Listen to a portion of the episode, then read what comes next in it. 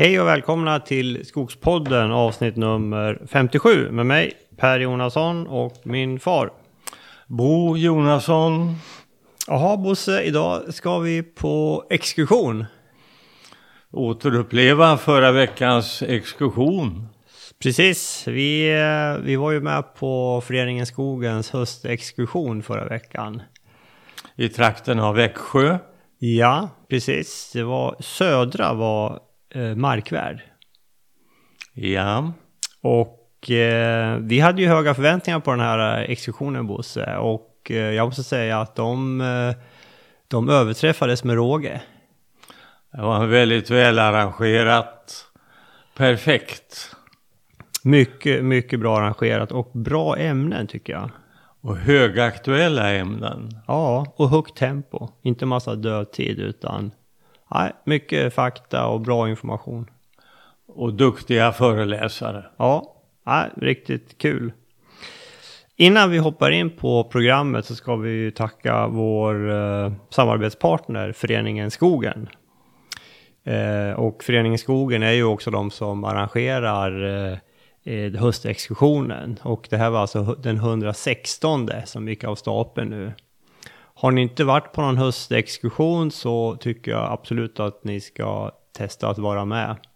Och eh, om man går med i Föreningen Skogen så har man ju rabatt och får alltid informationen först och så. Så det tycker jag ni ska kika på. Gå in på skogen.se och läs mer om hur man blir medlem i Föreningen Skogen. Eh, bra, Bosse, nu, jag tycker vi hoppar in på exkursionen då. Ska vi säga lite generellt först, alltså Södra Markvärd. Vi besökte tre stycken eh, gå- familjegårdar. Ja. Tre familjeskogsbruk. För Södra består ju av, det är ju runt 52 000 medlemmar och det är ju många ja, relativt små gårdar får man väl säga. Ja, stora också naturligtvis, men, men flertalet är ju ja, lite mindre familjeskogsbruk. Ja. Där det ofta går i, i, i arv i generationer. Ja. Vi hade ju exempel på någon gård där man var inne på sjunde generationen tror jag som, som bedrev eh, skogsbruk och jordbruk då på gården. Så det är ju, ja det var också en intressant aspekt tycker jag för eh, ägarna presenterade sin gård och ofta var det lite, lite prat om det här med ja, hur jobbar man med, med tänket där kring eh, generationsskiften. Ja, och eh, jag tycker vi hoppar in Bosse. Vi var ju lite, första dagen där så var det ju lite fokus på eh, hållbarhet, hållbart brukande och naturvård. Och då passar det bra med att vi fick en pratstund med Kristina Altner. Hon är hållbarhetschef på Södra. Och eh, så här eh, lät det när vi pratade med henne. Ja, Kristina Altner, välkommen till Skogspodden. Tack så mycket. Eh, Vi befinner oss nu på Föreningen Skogens höstexkursion och, som, som sker i samarbete med Södra. Och du är alltså hållbarhetschef på Södra. Mm, absolut. Och eh, vi har ju precis ätit lunch här nu. Innan dess så, så pratade du lite grann om, om Södras eh, hållbarhetsarbete. Kan du berätta lite om det? Ja, det är ju alltid utmanande att fatta sig kort men eh, vi i Södra har ju vår grund och bas i skogen bland våra medlemmar. Vi har ju 52 000 medlemmar i södra Sverige. Eh, Vi utgår ifrån skogsägaren eh, och vårt uppdrag är tydligt att vi ska värna skogsgårdens lönsamhet och göra det över tid, långsiktigt. Och det lirar ju väldigt bra med håll- vårt hållbarhetsarbete. Eh, Vi har jobbat länge med miljö, energifrågor, eh, hälsa, säkerhet på våra industrier men de sista åren så har vi gjort en förflyttning och samlat våra hållbarhetsfrågor eh, för att ha ett koncerntänk men också se helheten i frågan. Eh, Så 2016 så beslutade vår styrelse eh, om 15 hållbarhetsmål varav tre är särskilt prioriterade. Och där, här ingår eh, alla våra viktigaste hållbarhetsfrågor som vi behöver jobba med. Eh, till exempel skogstillväxt, ökad skogstillväxt, fossilfrihet, hälsa, arbetsmiljö, jämställdhet, effektivt resursnyttjande, ansvarsfulla affärer. Mm. Mm. Och hur, hur jobbar ni med de här målen nu då så att ni inte suboptimerar och fokuserar för mycket på något av målen och glömmer bort de andra? Nej, det där är ju jätteviktigt och svårt såklart. Ja, Ehm, det är därför jag frågar.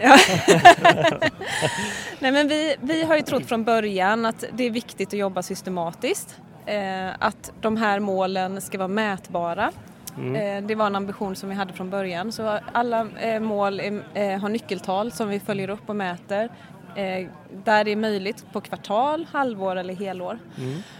Och sen handlar det om att styra verksamheten och kontinuerligt göra analysen. Eh, var ligger vi till? Vad är det för ytterligare aktiviteter för att stärka vissa mål eller ja, men hitta den här balansen. Så jo- jobba systematiskt tänker jag. Just det. Och de här målen då som ni styr på, de här 15 olika, hur är det du som liksom har helhetsbilden eller är det, har ni en ledningsgrupp som ni tar upp och Ja, visar det. de här i och hur ofta sker det?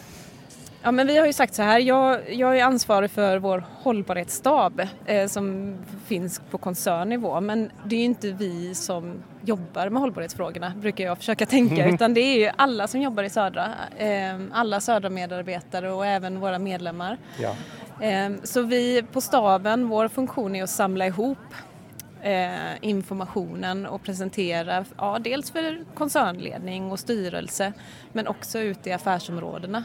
Så här ligger vi till, vad är det vi ser, eh, finns det saker vi behöver bättra på? Ja. Eh, Det här är en, till exempel så har vi vissa frågor som kommer upp som okej nu måste vi titta på den här frågan. Vattenfrågan har varit en sån eh, punkt som man måste, vi måste öka förståelsen för och lära oss mer om. Ja. En, en siffra jag tror mig komma ihåg rätt det var att tillväxten eh, i eh, södra, Södras medlemmars skogar skulle öka 20 procent på- eh, till, till 2050. Ja, va? exakt. Ja, bra, bra! ja, ja, ja, ja ett, ett djärvt mål. Det är ett djärvt mål, men vi såg eh, när vi satte målen så var det, det kanske det var det enklaste målet att sätta utifrån vårt uppdrag och, och basen i skogen. För vi ser att det finns en potential att, eh, att öka skogstillväxten men, och, och, och ehm, öka inbindningen av koldioxid. Så vi ha- hade en nära koppling till klimatfrågan. Och sen så har ju vi också eh, utsläpp i våra industrier från våra transporter. Ja. Så det handlar om att balansera både inbindningen men också minska vår eh, negativa påverkan. Just det. Just det. Ingår gödsling. Gödsling finns, tänket. ja, det finns med i eh, de färdplaner som vi har. Eh, kommer vi prata mer om imorgon. Eh, men eh, gödsling är ju inte tillåtet i södra Sverige. Men eh, vi jobbar till exempel med näringsåterföring från Mönsterås bruk ut till våra medlemmar. Mm. Eh, Så vi har ett, eh, det är viktigt att de här målen som vi har, att vi bryter ner dem i färdplaner men också i nyckeltal. Då. Just det. Just det. Hur, hur går det då? Går det, hur ser det ut med de här 15 målen? Ligger Ja. ni bra till? eh? Ja, men eh, vi ligger bra till. Mm. Men eh, vissa mål ligger vi inte bra till. Och det, måste, det är viktigt att förstå varför är det så. Ja. Eh, Nä- Nämn något som ni inte ligger så bra till. Ja, men eh, jag kan ta eh, vårt mål om eh, ökad jämställdhet eh, på Södra. Där har vi ett mål om att vi ska vara 30 procent 2020. Nu ligger vi på 23 procent vill jag minnas. Anställda? Ja, ans- Bland våra anställda. Mm. Eh, Men där har vi gjort en stor förflyttning om man jämför med vårt eh, utgångsläge. Ja. ja, just det. Så vi har höga det, det, är, ambitioner. men, det, det är alltså kvinnor män vi Ja. pratar om nu. Precis, ja, ökad andel kvinnor. Ja. Eh, Något som du nämnde tidigare här, det var ju det här med lönsamhet på de här. För Södra det är ju mycket alltså, skogsgårdar. Hur, hur kommer lönsamheten? Är det, är det ett, av målen? Ja, alltså indirekt. Vi har ju finansiella mål i Södra. Eh, sen har vi också de, för de, många av våra hållbarhetsmål så är liksom, den ena sidan är lönsamhet också, men ökad skogstillväxt till exempel. Mm. Det, det. genererar ju lönsamhet både för medlemmen men också för Södra långsiktigt. Så att, eh, det är kanske de bästa målen skulle jag kunna säga, skulle jag säga när man kan knyta hållbarhetsambitionen nära affären. Ja. Och det ser vi också till exempel, vi har ett mål om eh, fossilfri produktion till 2020 och fossilfria transporter till 2030. Ehm, och där, det kan vi se en efterfrågan från våra till exempel pappersmassakunder. Att eh, ja, men minskad koldioxidutsläpp ehm, tar de hänsyn till och eh, uppskattar när de gör affärer. Mm. Så att det, det är kanske det bästa av två världar när man kan kombinera hållbarhet och få ett affärsvärde. Mm. Eh, anser du att ni är ledande i det här tänket? I första hand inom skogsindustrin eller eh, i andra hand industrin som helhet i Sverige? Ja, bra fråga. Jag skulle nog säga att eh, vi är ledande inom vissa frågor. Eh, men eh, och till exempel skogstillväxt. Vi, vi har en, eh, en, en vår eh, vi har en otrolig fördel att vi är medlemsägda och har en så lokal förankring. Mm. Och det tror jag är en grundförutsättning för att vi har ett bra hållbarhetsarbete och att det, man har ett tydligt personligt ansvar för hållbarhet. Det tycker jag låter riktigt det du säger Ja. där. Mm. ja, men verkligen. Mm. Just det. Hur, mycket, hur mycket dialog har ni liksom med medlemmarna när det gäller de här hållbarhetsmålen? Mm. Är de med och påverkar? Ja, det är de och det glömde jag säga när jag pratade innan faktiskt. Men eh, när vi satte våra hållbarhetsmål eh, så hade vi en omfattande dialog med olika intressenter, med kunder, med våra leverantörer, våra medarbetare, politiker, med våra medlemmar också. Mm. Eh, och det såg vi att det var ju en jättebra erfarenhet att ta in det här perspektivet Ja. från alla olika intressenter och väga, väga samman det. Eh, nu står vi inför en ny strategiperiod och där, här gör vi en omfattande intressentdialog med våra medlemmar inför det. Så att det här handlar ju också om att vi eh, det, det blir ju inte bra när man sätter mål att man, när man tittar inifrån och ut. ut utan vi är helt beroende av den här dialogen som vi har idag till exempel. Kan, kan man som medlem eller som extern kan man följa de här målen, hur de utvecklas? Ja, absolut. Hur gör man då? Eh, i, tittar i vår hållbarhetsredovisning Ja. som vi publicerar varje år. Ja. Mhm. Där finns ett gediget material. Hur många år har du jobbat med det här? Jag har haft, eh, jobbat med hållbarhetsfrågor på Södra i eh, fem år men har varit eh, i elva år i koncernen. Jaha. Mm. All right. Vad gjorde du innan? Ja, men jag började på inköp Ja. och har jobbat med inköpsfrågor och gjort affärer där. Eh, jobbat mycket med insatsvaror till hela koncernen. Ja, just det. Så det är en bra erfarenhet. Ja. Ja. Men, ehm, är är du biolog i grunden? Nej, jag är faktiskt eh, statsvetare. Det är väl statsvetare. Eh, kanske den enda statsvetaren i södra nästan. Nej, jag, eh, skämt åsido. Men eh, jag har en polmagexamen eh, med statsvetenskap som grund och så har jag också läst mänskliga rättigheter som en kandidat. Så jag har ett samhällsperspektiv.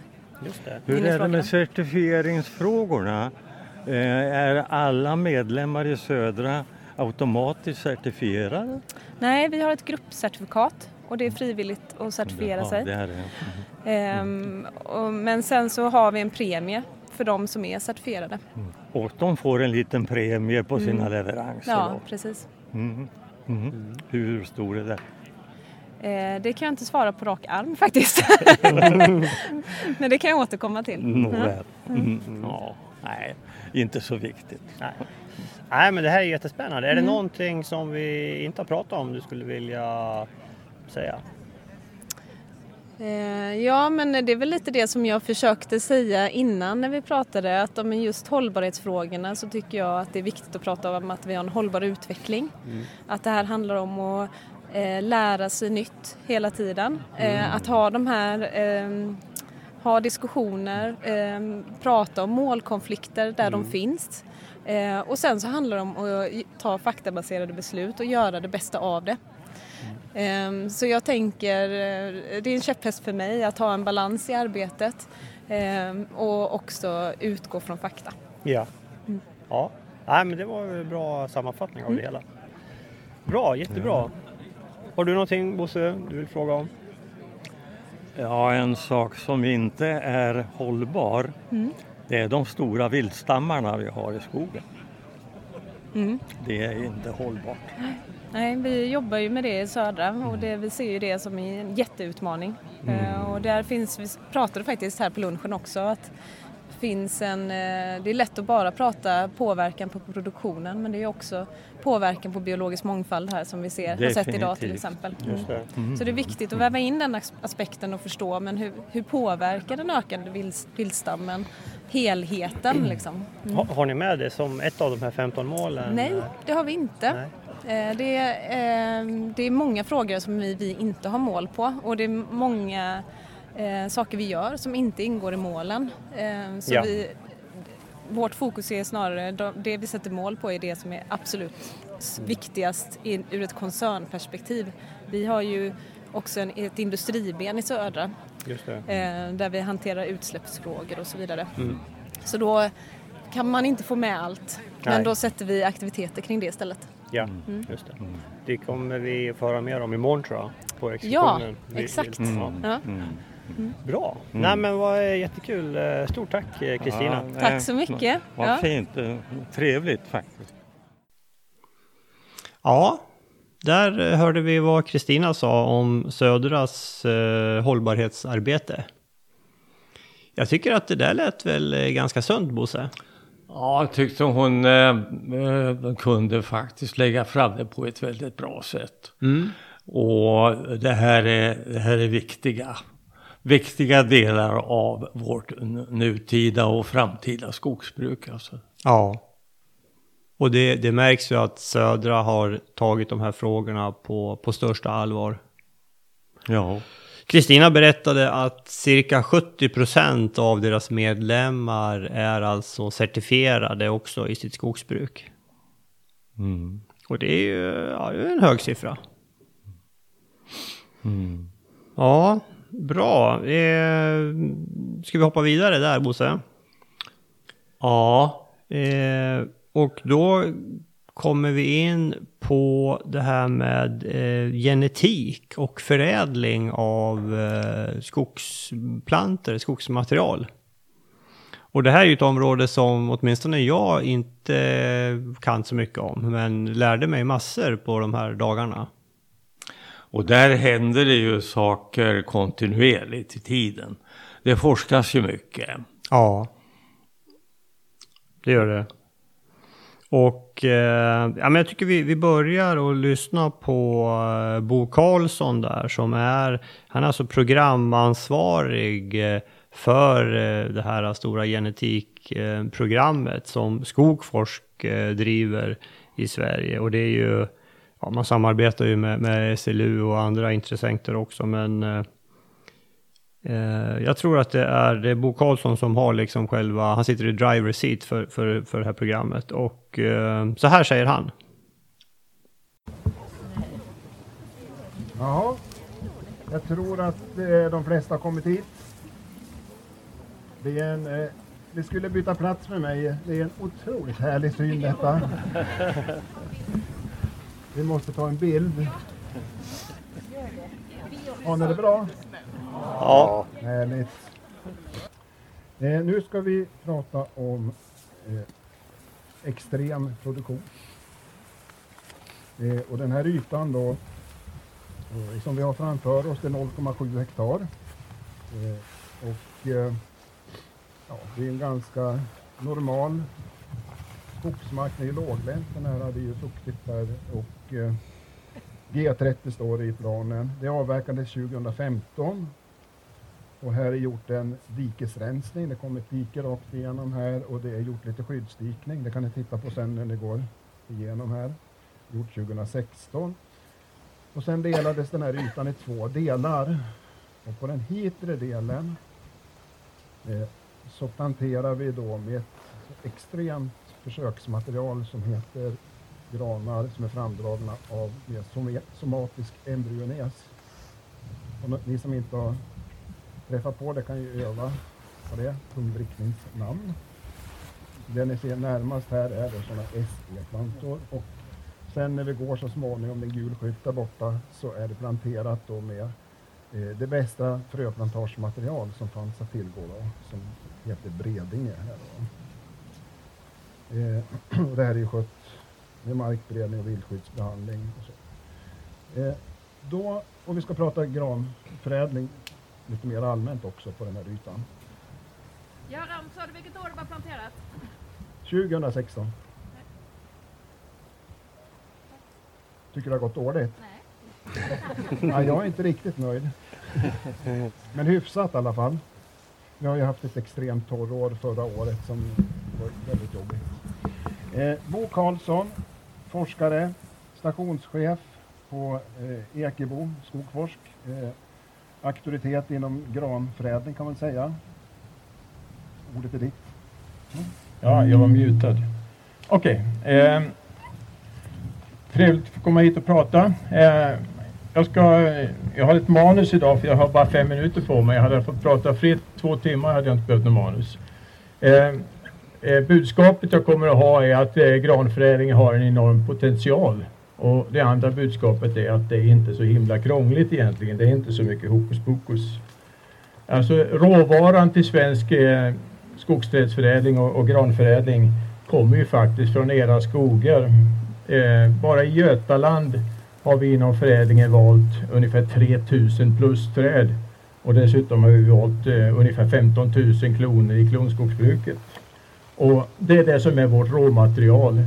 Och de här många tusen träden, de bildar då den svenska förädlingspopulationen, alltså eh, avelsmaterialet till, till svensk skogsträdsförädling.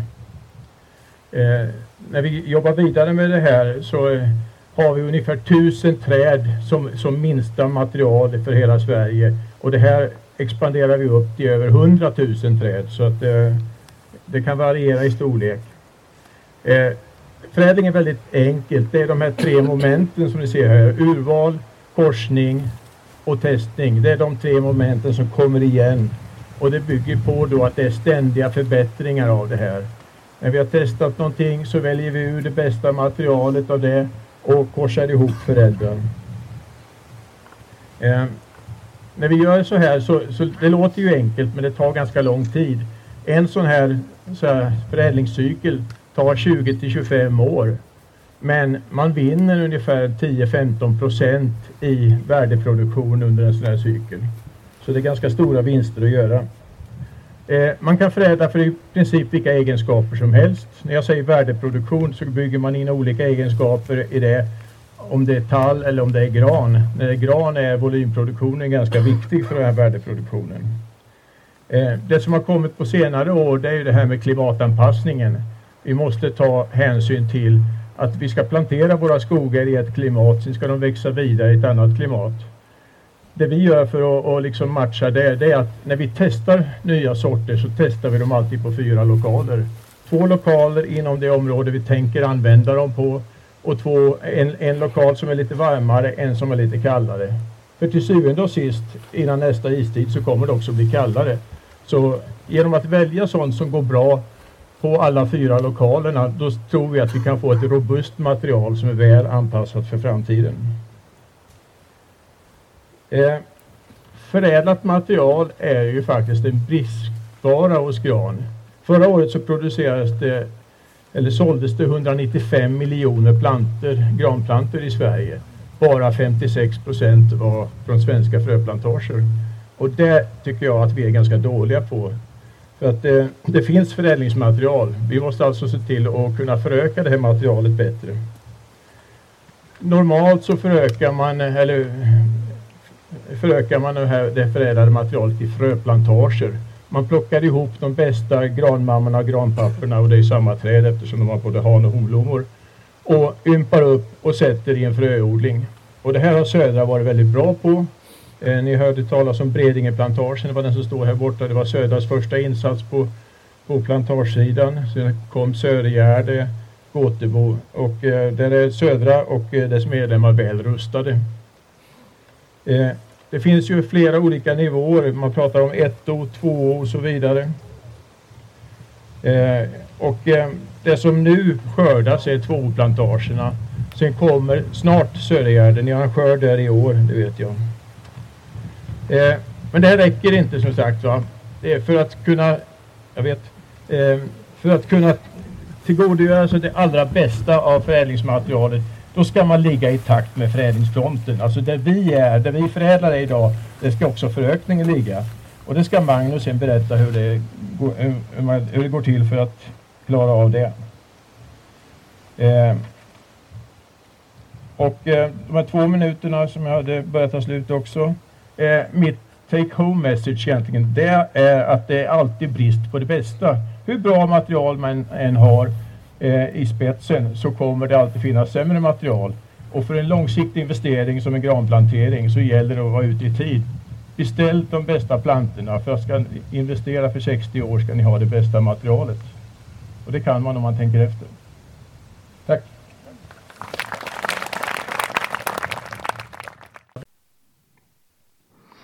Ja, det fick vi höra lite, lite övergripande om vad som händer inom genetiken. Det här är en del nya begrepp för, för åtminstone mig. För mig också. Man pratar om SC-planter, alltså somatisk embryogenes. Och så pratar man också om det här med GS, eh, som står för alltså genomisk selektion.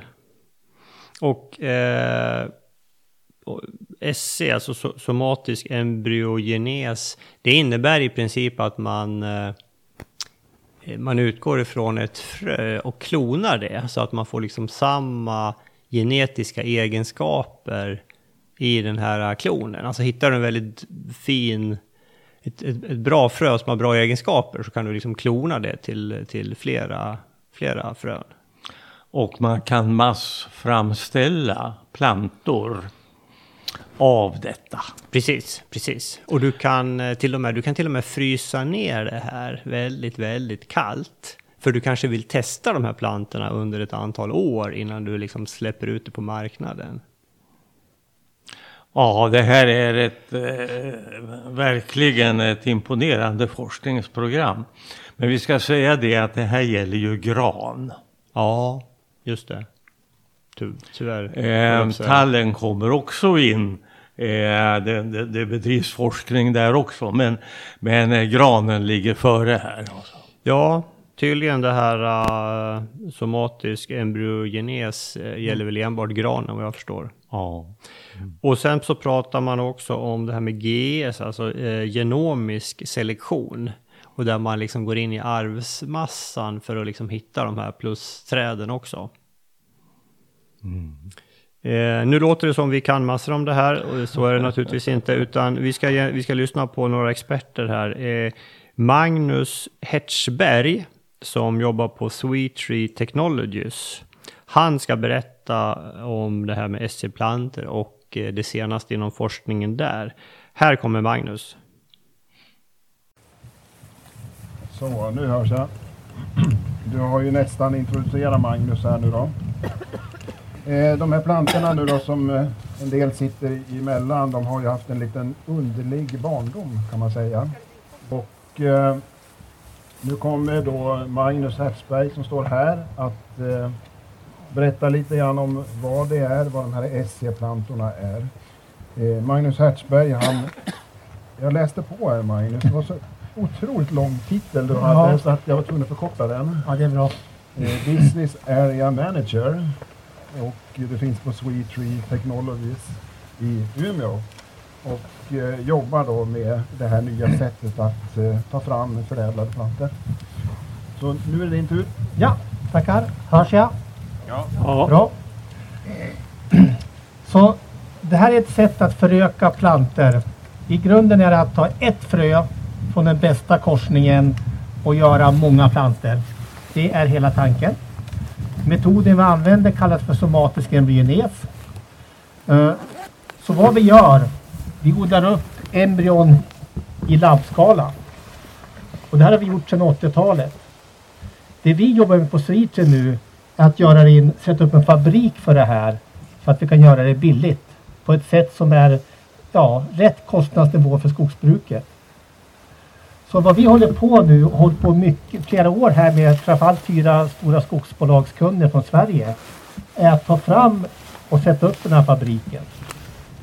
Eh, och slutmålet vi har i produkten som kommer ut härifrån det är mikroplanter som sen ska kunna gå rakt in i plantskolorna och i plantskolornas normala verksamhet. Vart vi är nu då, det är att vi är i en pilotfas. Så vi ska starta upp ett pilotprojekt nu så vi ska kunna odla upp plantor i hundratusentals skala. Vi vill också uppnå en tekniknivå så att vi 2021 är färdiga att faktiskt starta och bygga en fabrik. Så det är målet med piloten. 2021 ska vi vara färdiga att börja bygga en fabrik. Vi ska utveckla teknologin till den nivån. Och eh, steget därefter är att första fabrik ska få vara på 20 miljoner plantor per år. Och det här är någonting som kan tänkas vara mycket väl möjligt inom fem år. Det här är en realistisk siffra att vara uppe på fem år med de svenska kunderna då. Nu ska vi behöva byta här igen.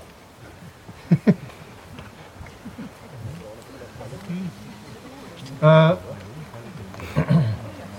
så vad vi jobbar mycket här va, det är att använda, ta fram nyckelteknologi inom Sweetree men också att i möjligaste mån använda teknologi som finns och köpa färdigt. Så det är den kombinationen vi jobbar med här då. Uh, bara för att trycka lite siffror, vad kan det här möjliggöra att ha den här ST-teknologin då? Att verkligen utnyttja förädlingsfronten som Bosse sa. Om vi tittar på att vi gör ett familjeskogsbruk, vi tar de bästa korsningarna jämfört, det är alltså, då blir det plus 15 procent jämfört med det bästa fröplantage plantagefrömaterialet. Så det, det, här är, det, här är, det här är drivkraften. Plus 15 procent till exempel i tillväxt. Och det vi gör då är att vi gör en korsning, vi väljer ut slumpvis individer här. Då får vi plus 15 procent. Det vi också kan med modern, modern teknologi är att vi gör en genomisk selektion. Vi mäter arvsmassan på alla träden. Vi räknar ut vilka träd som är bäst. Och om vi adderar den teknologin då kanske vi kan, då vi vet inte exakt, men totalt kan vi hamna 15 till 35 procent bättre än bästa fröplantagematerialet. Och det här är drivkraften varför vi gör det här. För det här projektet är utmanande, det är långsiktigt och det kostar pengar. Men det är också en otrolig möjlighet. Eh, en annan viktig sak är att det ger också möjlighet att förädla hårdare och jobba hårdare till exempel mot rotrötresistenta plantor. Vi kanske kan långsiktigt börja jobba med långsiktigt med andra skadegörare i skogen. Eh, och en annan viktig punkt som jag säger här som jag tror Pelle kommer säga mer om. Men också att det här, det här ska vi kunna göra med bevarad genetisk diversitet i skogen. Så jag tror att jag är färdig där faktiskt.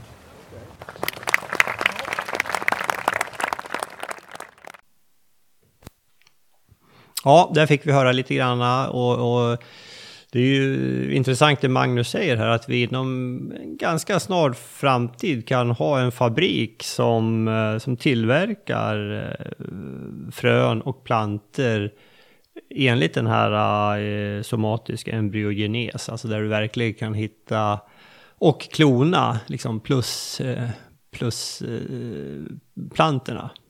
Där alltså ett enda granfrö kan ge upphov till en förskräcklig massa plantor. Ja, det, det är lite science fiction över det hela. Inte så lite. Nej. Och där, jag tror Magnus nämner, eller om Bo Karlsson nämner, eller om det är någon annan, att, att, att där vill man ju inte bara enbart, enbart gå på samma liksom frömoder till en, till en hel plantering, utan du, du måste blanda det här sen så du, du har liksom ett antal. Det är inte så att vi kommer att få en enda gran i Sverige om liksom 500 år. Man är ju väldigt uppmärksam på den här risken som det här skulle kunna innebära. Ja. Att vi får genetiskt identiska granar i en skog. Ja. Utan det här sker ju en blandning. Just det, precis.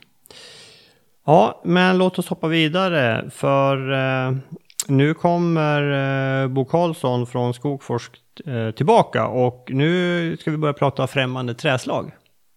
Det... Man tittar ju på den sidan också. Ja, och eh, precis. Vi lyssnar på Bo vad han har att säga. Bosse Karlsson har vi presenterat innan. Han är då stationschef på Ekebo och eh, mest då inom skogsgenetik och så. Det är bra. Eh, jag har ingen skylt. Jag har glömt att kolla att min skylt, mitt skyltunderlag blir verklighet. Så att eh, titta inte på det, vad som står bakom mig nu. Jag ska prata lite allmänt om introduktion av nya träslag. Om vi nu ska ha några nya träslag. Eh, men när man, man, tänker att man ska ha något nytt så ska man ha ett adaptivt eh, förhållningssätt. Man ska alltså göra saker, utvärdera vad man har gjort, tänka efter hur det blev och göra om och göra rätt om det inte blev rätt. Så vidare. Va?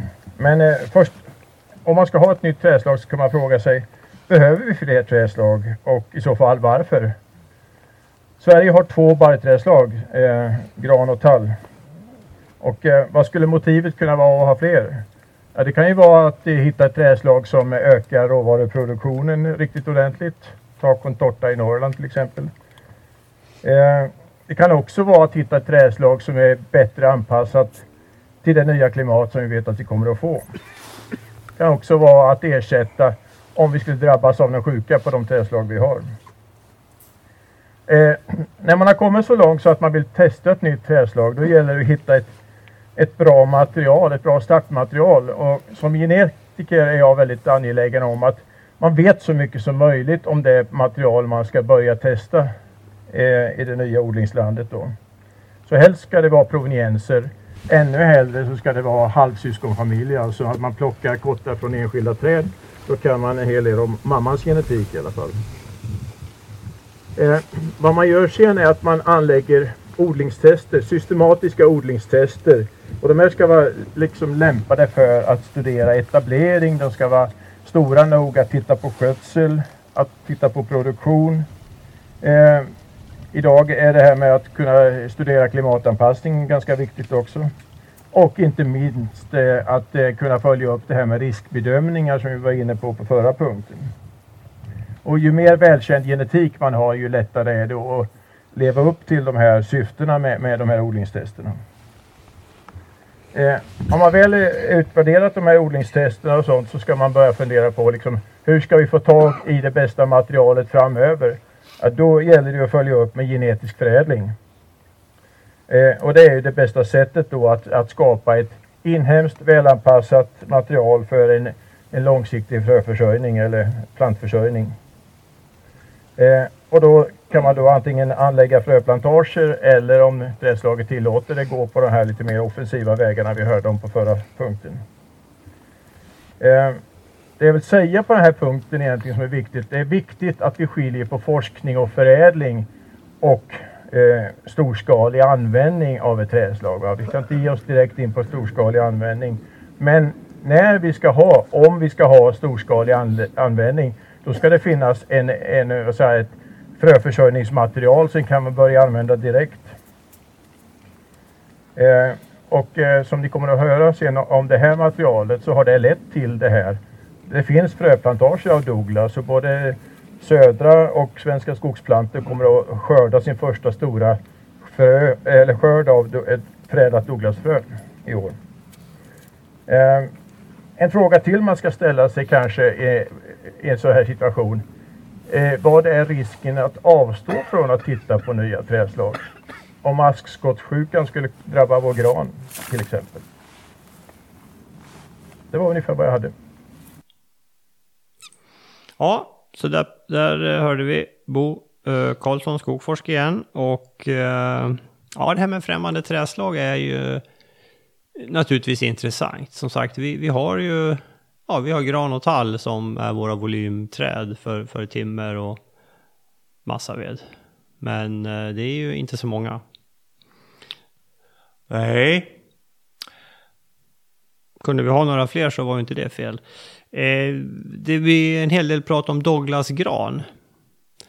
Och eh, där är det eh, Ulf Johansson som jobbar på SLU han är alltså föreståndare på Tönnesjöheden. Försöksparken i Halland. Just det. Där har du varit Bosse? Ja. Jag har inte varit där, men det får bli ett framtida besök. Låt oss lyssna på vad Ulf har att säga om Douglasgranen. Ja, vi har eh, tre stycken föredragshållare på den här punkten. Och eh, nästa är då Ulf Johansson och Ulf Johansson är ju välkänd i skogssammanhang. Ulf är ju eh, parkchef, Tönneskedens försökspark, Sveriges lantbruksuniversitet. Och, eh, varsågod. Tackar. Och jag ska säga lite om eh, Douglas-granen då som ni ser biologi, biologi skötsel och eh, virke. Och eh, om vi börjar i den här änden så är ju Douglas-granens eh, naturliga utbredningsområde Nordamerika.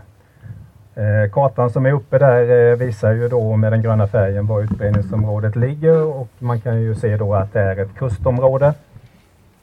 Det vi kallar för kustprovenienser senare här då. Men att det också finns ett inlandsområde uppe på Klippiga bergen och på östsidan utav Klippiga bergen. Eh, Douglas Douglasgran är ju eh, flyttat till europeiskt skogsbruk sedan eh, lång tid tillbaka. Det är flera hundra år sedan man började att flytta över Douglasgran till Europa och är ju ett stort träslag i Centraleuropa. Tyskland, Frankrike till exempel har ju mycket stora arealer med Douglasgran och där kan vi prata om en storskalig introduktion. Här i södra Sverige så är det ju tvärtom väldigt små arealer som finns planterade. Men både här i Sydsverige där det är använt och i Europa så är det framförallt kustprovenienser tidigare som man har eh, använt och vi vet mer om dem och vi vet mindre om lämpligheten för inlandsprovenienserna. Ser vi lite på ekologin hos Douglas gran så är det ju betraktat som ett sekundärträdslag i ungdomen. Det kan alltså föryngra sig i skugga. Men behöver sedan då i äldre bestånd mera ljus för att få bra tillväxt. Som många träslag så växer det ju naturligtvis bäst på lite fuktig, näringsrik, väldränerad mark. Men eh, Douglas växer också på lite torrare mark så ståndortsregistret är relativt brett. Vi hittar Douglas bestånd både i, som renbestånd men också i blandbestånd med andra träslag. Etableringsfrågorna när det gäller Douglasgran, eh, det är ju naturligtvis plantering för att vi har ju inga bestånd här som kan självföryngra sig utan vill vi använda det i sydsvenskt skogsbruk så är det ju genom plantering i så fall. Och det stora problemet som infinner sig direkt då där det är frostproblem och frosttorka eh, som då ofta drabbar eh, Douglasbestånd. Och med frosttorka menar vi då alltså att Douglasen börjar växa tidigt på våren innan det har blivit tillräckligt varmt i marken för eh, att det ska ta upp, eh, kunna ta upp vatten och eh, att man då får en uttorkning i samband med frostskadorna. Då. Eh, det här gör ju då att för att bemästra frostproblemen så brukar man ofta rekommendera någon form av skärm. Det kan vara då en högskärm i det gamla beståndet eller att man anlägger en lågskärm eh, samtidigt med att man planterar Douglasen. Ett vanligt sådant lågskärmsträslag brukar vara lärk. Och idag är det ju framförallt hybridlärk som används så att just den här blandningen mellan eh, hybridlärk och eh, Douglas den förekommer på en hel del ställen. Den har ju den fördelen förutom att lärken då fungerar som ett frostskydd att det även finns en reservutgång. Om Douglasen skulle dö så har man lärken kvar och kan göra ett bestånd av det. Eh, det förekommer ju också att man eh, ibland rekommenderar, som det ni ser runt omkring er nu, blandning mellan Douglas och vanlig gran. Och eh, här har vi, har vi ju ett sådant exempel på den här lokalen. Det andra stora problemet som infinner sig när det gäller etableringen det är viltskadorna. Eh, skötsel utav de etablerade bestånden sedan är ju gallring och röjning ungefär som vanlig gran. Stamkvistning förekommer och är en möjlighet för att eh, förbättra kvaliteten. Produktionen vet vi lite, ganska, ganska lite om för sydsvenska förhållanden. Eh, vi har exempel på att den är högre än gran eh, där vi har haft bra proveniensval. Men vi har också exempel på motsatsen där man då förmodligen har valt fel provenienser. Eh, det vi vet om Douglasgranen både från Sverige och från andra studier i utlandet är ju att eh, tillväxten är uthållig. Den liknar därvid många andra barrträd. På den positiva sidan för Douglasen så räknar vi också in virkesegenskaperna som är bra. Eh, det är hög densitet, det är hög hållfasthet, bra formstabilitet hos det sågade virket och det är en rötbeständig kärnved. virkesanvändningen i Nordamerika då är ganska omfattande. Det här går ju under namnet Oregon Pine i Nordamerika. Används som konstruktionsvirke, används som massaved, men även för möbeltillverkning och golvtillverkning. Så det är ett ganska brett användningsområde. På skadesidan har jag redan nämnt frosten och där måste vi också nämna då vindskador i unga bestånd. Till exempel nere på kontinenten har man haft ganska stora problem medan då äldre bestånd ofta betraktas som mera stormstabila. På svampsidan är det framförallt en, en skyttesvamp som vi ibland kallar för Douglas-skytte som brukar förekomma. Och sen ser ni att det står ett frågetecken efter rotröta. Det står ju ofta i litteraturen då att Douglas är motståndskraftig mot rotröta. vi sätter det i frågetecknet för att vi har så lite observationer själva så att vi är lite osäkra på det. Tack!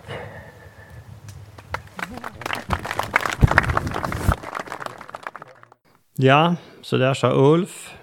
och eh, under den här presentationen som, som Bo och Ulf eh, hade så var vi ju inne, vi satt ju i ett bestånd eh, där det var Douglasgran och eh, vanlig gran blandad. Eh, för eh, vi var, det här var ju alltså på Göran Ölanders eh, och hans, hans frus eh, gård och han hade varit med i, eller är med i ett försök där, där man testar den här eh, Eh, Douglasgranen. Och det här kommer eh, Kristina eh, Wallertz eh, prata mera om. Hon jobbar på SLU och eh, hon eh, har tittat på det här med olika provenienser av Douglasgranen. För det finns ju ett antal sådana. Den här kom ju från Nordamerika ursprungligen. Västra Nordamerika. Och hon jämför ju kustprovenienser med inlandsprovenienser. Just det, precis. Vi lyssnar på vad eh, Kristina säger. Vi fortsätter nu och vi ska eh, prata lite mer om exakt det vi ser framför oss. Eh, för det här är något väldigt speciellt.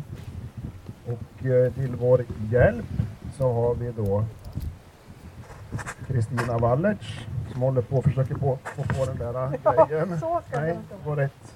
Ja. Så. Så. Nej. Nähä. Så. Så. Nu. Nu har jag gjort det svåraste. Ja. Eh, Idag. eh, Kristina Wallertz finns till vardags på, hon är forskare och finns på eh, ASA försökspark som är också en del av Sveriges lantbruksuniversitet. Varsågod. Tack. Idag har jag fusklappar för idag är det på sekunden vad man får säga. Jag brukar inte ha det annars. Eh, vi har då gjort eh, odlingstester med Douglasgran. Eh, och det är ett samarbete med Södra Skogforsk och SLU. Så vi har lagt ut försök på 13 olika lokaler i södra Sverige. Eh, vi började 2009 och 2010. Och detta är en sådan lokal. På varje lokal finns det sju provenienser. Tre stycken från inlandet som ska vara härdigare och kanske passa bättre på småländska höglandet. Fyra är från kusten varav en är en fröplantage. Varje sån här lokal, varje sån här proveniens har 0,5 hektar. Och 0,5 gånger 7 är 3,5 så det är ganska stora försök. Det är alltså 3,5 hektar per lokal. Ibland så är det blandning med lärk och ibland så är det blandning med gran som ni ser här. Och ibland är det ingen blandning alls. Och då till resultat, det här är efter sex år. Det är sista mätningen vi gjorde på allihop. Så att det har ju gått en tid sedan dess. Eh, då ser ni att de här blåa, det är inlandsprovenienserna. De har Three Valley och Large Hills, det är de vi står vid. Large Hills är bakom er, Three Valley är här där vi står. Eh, de har högst överlevnad. Cacus River, Bowser Heman, det är två kustprovenienser som har lägre eh, överlevnad. Och så finns det tre lite mittemellan här. Ehm, och eh, om man tar genomsnitt på de här ehm, eh, inlandsprovenienserna så har 70 procent överlevt hittills. Medan kustprovenienserna 55 procent. Så det är en viss skillnad på överlevnad. Och granen har ungefär som inlandsprovenienserna runt 70 procent i de här 13 lokalerna i det stora försöket. En annan sak som är viktig det är ju tillväxten då. Och då ska vi strax få se hur det har gått med den. Men överlevnad kommer ju faktiskt först. Lever de inte kan de inte växa. Och det här är också då efter sex år. Eh, och då ser ni att det är ingen jätteskillnad i höjdtillväxt på de här provenienserna. Eh, det finns en signifikant skillnad mellan Free Valley, den där vi står, och Bause Heman som är den här fröplantagen. Eh, men i övrigt är det inga skillnader. Och eh, den högsta eh, av de här i de här provenienserna, den, den var vid det dagset 2,1 meter och den lägsta 1,7. Så det är ingen enorm skillnad mellan de här. Och jämför man inlandsprovenienserna och kust och tar genomsnitt så är de runt 1,8-1,9 och det är även granen. Så efter sex år så ser det ut som det är ungefär lika tillväxt på alla provenienser och gran medan överlevnaden skiljer betydligt mer åt. Next. Då kommer vi till Görans lokal här då. Hur har det gått för Göran? Det är ju väldigt spännande att veta. Och Göran har en av de få blandningarna med gran. Och själv tycker jag att det ser väldigt trevligt ut med inblandning av gran. Eh, det verkar som de trivs bra ihop. Och eh, eh, man har ju också den fördelen att om Douglasen går ut, vilket ju är en större risk, så har man ju granen kvar förhoppningsvis. Så här ser det ut då. Vi gjorde mätningar här nu för någon, några veckor sedan eh, på höjderna på de här, i, i de här olika provenienserna. Vi har inte mätt riktigt alla provytor men tre av fem i varje proveniens. Och då ser ni att det finns en som sticker ut där, det är Bella Coola. Det är en kustproveniens. Eh, men ni ser att det finns en viss skillnad. De här inlandsprovenienserna tycks växa något sämre än kustprovenienserna. Eh, och eh, den högsta här hade i genomsnitt 5,7 meter, Bella Colan. Och den här Tree Valley, där vi står, är 3,8. Om vi tar ett medel på de här inlandsprovenienserna så är det 4,1 och kustprovenienserna 5,0. Så det finns en viss tillväxtskillnad här. Men då ska ni komma ihåg överlevnaden, skillnaden där. Och här på Görans lokal så har inlandsprovenienserna i snitt 62 procents överlevnad medan kusterna har drygt 50. Så man får liksom välja här lite. Granen har 74 procents överlevnad. Så slutsatsen av detta är ju att det, det, finns en lite större risk för avgångar om man använder kustprovenienser som är mindre härdiga. Eh, men om man lyckas få dem att överleva så har de en något högre tillväxtpotential. Och det här kanske vi kan använda oss av i framtiden. Vi kollade också på de här träden hur många som hade kottar. Och 18 av träden av de här som står här, Douglasgranar, 280 träd, har i nuläget kottar. Så kanske på sikt Bosse och hans kollegor kan komma ut här och välja plusträd och vi kan liksom komma igång med det här förädlingsarbetet. Och jag tycker personligen att det är väldigt roligt att ha varit med från början i det här. Nu har vi liksom snart skapat någonting nytt i Sverige och det känns väldigt roligt.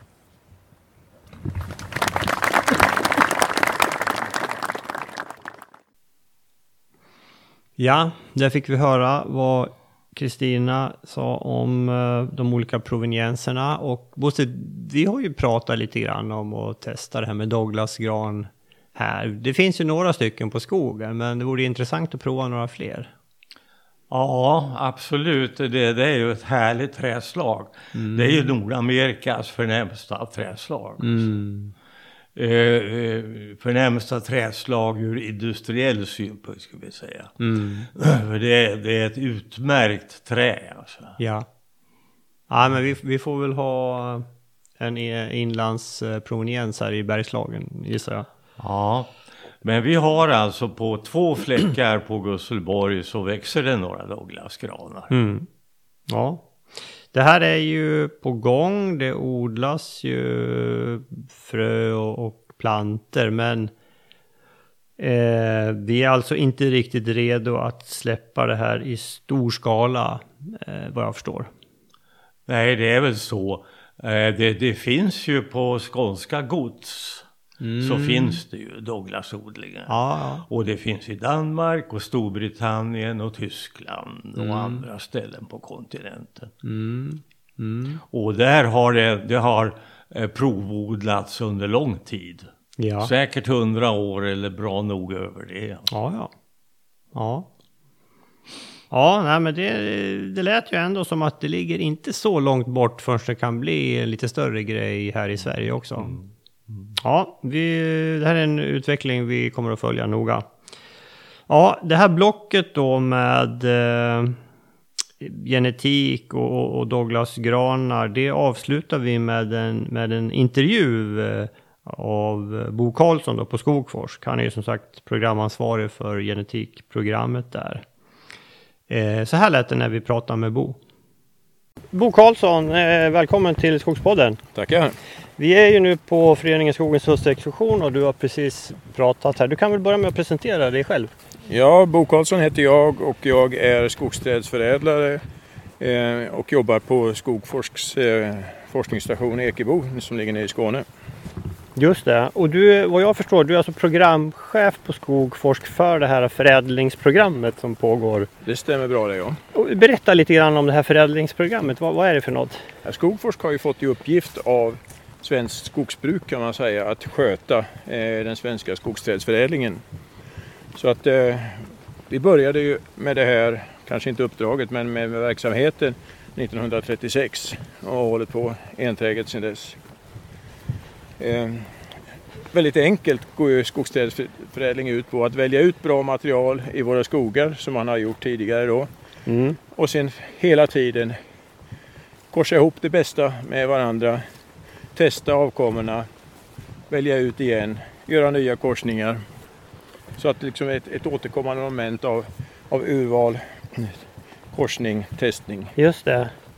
Så att det är helt, helt naturliga metoder, alltså inget hokus pokus. Nej, och jag har fått intrycket av att på senare år har man liksom kommit längre i den här man har blivit bättre på att välja ut de här plusföräldrarna. Är det, stämmer det?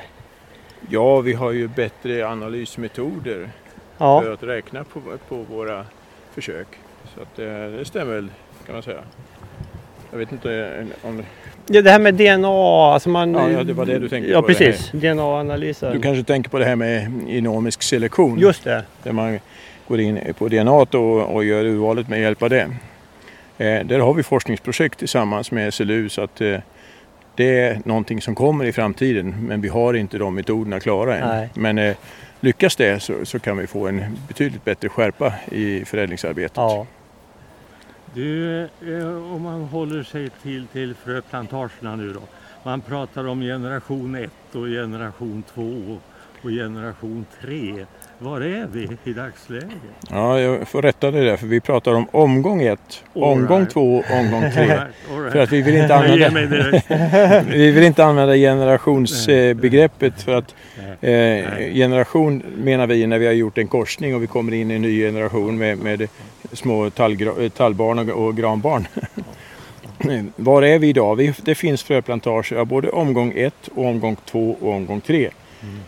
Och de har ju eh, olika nivå. Omgång 1 kan man säga det är de plusträd som valdes eh, under 40-50-talet. Man gjorde fröplantager av här nere i södra Sverige känner man igen eh, fröplantager Maglehem till exempel, Slokstorp eh, eh, och så vidare. Eh, och när det gäller tall så, så har man eh, Ekebo, Albjörshus. Omgång 2, då, då valde man nya plusträd under början på 1980-talet. Och då valde man plusträden i yngre eh, kulturbestånd som man visste var planterade då samma dag. Sen gick vi ut och valde de bästa träden där. Och fördelen med att välja i de här yngre kulturbestånden var att vi, som sagt, vi visste att de var likåldriga. Vi kunde se kvistkvalitet ända ner till marken. Så att eh, då fick vi lite bättre effekt och då anlade man en andra omgången fröplantager. Och då pratar vi om granfröplantager som Bredinge, Lilla Istad, eh, tallplantager som Gottardsberg till exempel. Ja. Då, då eh, hade vi ett bättre plusträdsmaterial men vi kände inte till vad de här plusträden gick för. Under tiden vi anlade de här plantagerna så testade vi också avkommor från alla de här plusträden. Vi skördade ju kort när vi valde ut träden och eh, planterade ut plantorna och då såg vi ju vilka plusträd som gav bra avkommor, som gav bra ungar. Och det, då fick vi ju genetikstämpeln på eh, plusträden så då kan man åsätta varje plusträd ett avelsvärde. Så nu tredje omgången där man började anlägga fröplantager omkring 2000 då tog man bara russinen ur kakan, alltså de bästa plusträden mm. med bäst nedärvningsegenskaper och anlade den här tredje omgångens fröplantager. Och de börjar nu ge frö. Nu ja. säger du? Ja. Så att för nästa år kan man få sånt? Eh, man... Alltså torrsommaren 2018 initierade ju väldigt mycket blomning så att eh, till exempel eh, Södra Gärdeplantagen, Södras eh, granplantage har gett väldigt bra med, med frö nu. Mm. Eh, när de kan, kan leverera plantor törs jag inte säga. Men, eh, och i, i norr tror jag det finns någon eh, tallplantage där man redan har plantor från, från tredje omgångens plantager. Mm. mm. Och, och vilken tillväxt ökning pratar vi då om? Då pratar vi om 20-25 procents tillväxtökning. Eller på gran brukar vi kalla det eh, så här värde, värdeökning, värdetillväxtökning. Ja. Det beror på vilka egenskaper man bygger in i det. Ja. Vad är risken för pollen utifrån? Det håller vi på att titta i ett eh, projekt där vi använder DNA-markörer. För, eh, vi vet inte, vi, vi, har haft försiktighetsprincipen innan och sagt att man kan få upp till 40 procents pollen utifrån. Och då blir det en utspädning och ju mer sofistikerad plantagen är ju mer kostar ju det här externpollineringen. Just det. Eh, så det, det, vill man ju undvika till varje pris. Och det är ju bland annat av den anledningen här i södra Sverige att man lägger fröplantagerna på Öland. Det är att minska risken för att det ska vara ett stort pollenmoln från oförädlade träd. Mm. Mm. Mm. Mm. Det finns andra anledningar också men, men det är en av anledningarna. Jag tror vi kan röra oss. Jag, jag tror inte vi ska gå på bussarna. Vi skulle bara Nej, gå förbi dem. Vi ska nog titta på eh, naturvården. Jag tror vi skulle få kaffe nu. Ja, det smakat. Kanske ja, på nästa punkt. Ja, men vad sa du? 25 Vi kan fråga vart, vart gick de andra?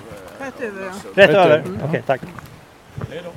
20-25 procent. Eh, ja, det är inte dåligt. Och den här, eh, var, var kom det här som vi förra station, inte, inte Douglas gran utan stationen innan, då pratade man om det här med SC-granarna. Ja, som, somatisk embryones. Och vad, vad, exakt är det för en, om man inte förstår det?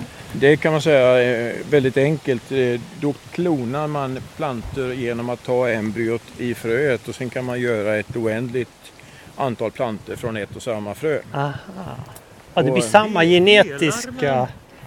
En fröet då, eller? Nej, man, ja, man delar fröet och plockar ut eh, embryot. Det är, liksom ja. det, det, är det som ska bli plantan. Du har ju frövita, ungefär som ett ägg, så är det gulan du plockar ut. Men, men, eh, det blir samma genetiska individ? Liksom. Om du tar ett frö så blir det ju samma genetiska individ. Det är liksom en, enäggstvillingar fast ja. i, i, stor skala då? Ja. Så det är ju ett, ett eh, effektivt sätt att, att klona en planta. Men däremot använder man det ju inte som enklonsplanteringar utan man ser till att och blanda flera sådana Just det. kloner med varandra med, samma, med liknande egenskaper. För annars skulle man kunna ta en risk då att, att, att det blev något galet liksom på just den? Ja, det, Eller... det ska jag inte rekommendera om det inte är väldigt väl testat. Nej, precis. Jaha, okej. Okay. Och, och det är liksom ett sätt då för att och hittar du en jättebra individ, ja men då utnyttjar du den liksom? Ja, och det var ju det som Per Ingvarsson pratade om, så att man kan utnyttja det som klonskogsbruk. Just det. För det fina i kråksången med det här med somatisk embryones det är att man kan stoppa ner eh, de här klonerna i flytande kväve minus 195 grader under tiden man testar. Och sen när man har testat färdigt ute i fält så plockar man upp de här och sen massförökar. Aha! Wow!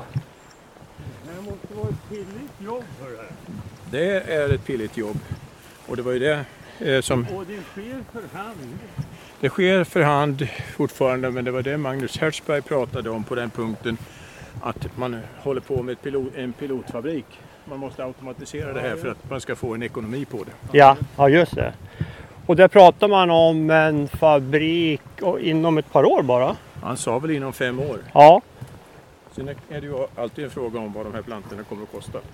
Just det. Och vad, vilka trädslag är det vi pratar om? Eh, där pratar vi bara gran. Ja, gör man liknande arbete på tall? Nej, det går inte. Det går, men eh, otroligt svårt att, att göra somatisk embryones av tall. Jaha. Det, hur kommer det sig? Det är skilda egenskaper liksom hos Det är fröet. skilda trädslag. De... Ja, okej. Okay. Ja, ja, intressant. Vad finns det mer att säga då om den genetiska skogsforskningen? Ja, vi står ju lite grann i en brytpunkt med det här att, att vi ser att vi har det här med genomiska selektionen inom räckhåll. Ja. Men det gäller att komma ihåg att för att vi ska lyckas så måste man alltid ha det här testmomentet. Man måste alltid korsa fram en ny generation. Ja. Så de här, det här gamla hantverket lever kvar. Ja. För att man ska komma framåt. Just det, för varje omgång tog, hur många år sa vi? 20 till 25 år. Just det. Och där, det som är intressant där det är ju att försöka lura granen att eh, blomma tidigare. För det är blomningstidpunkten där som, som är avgörande. Just det. Unga granar blommar inte. Nej. Fan, intressant. Mm.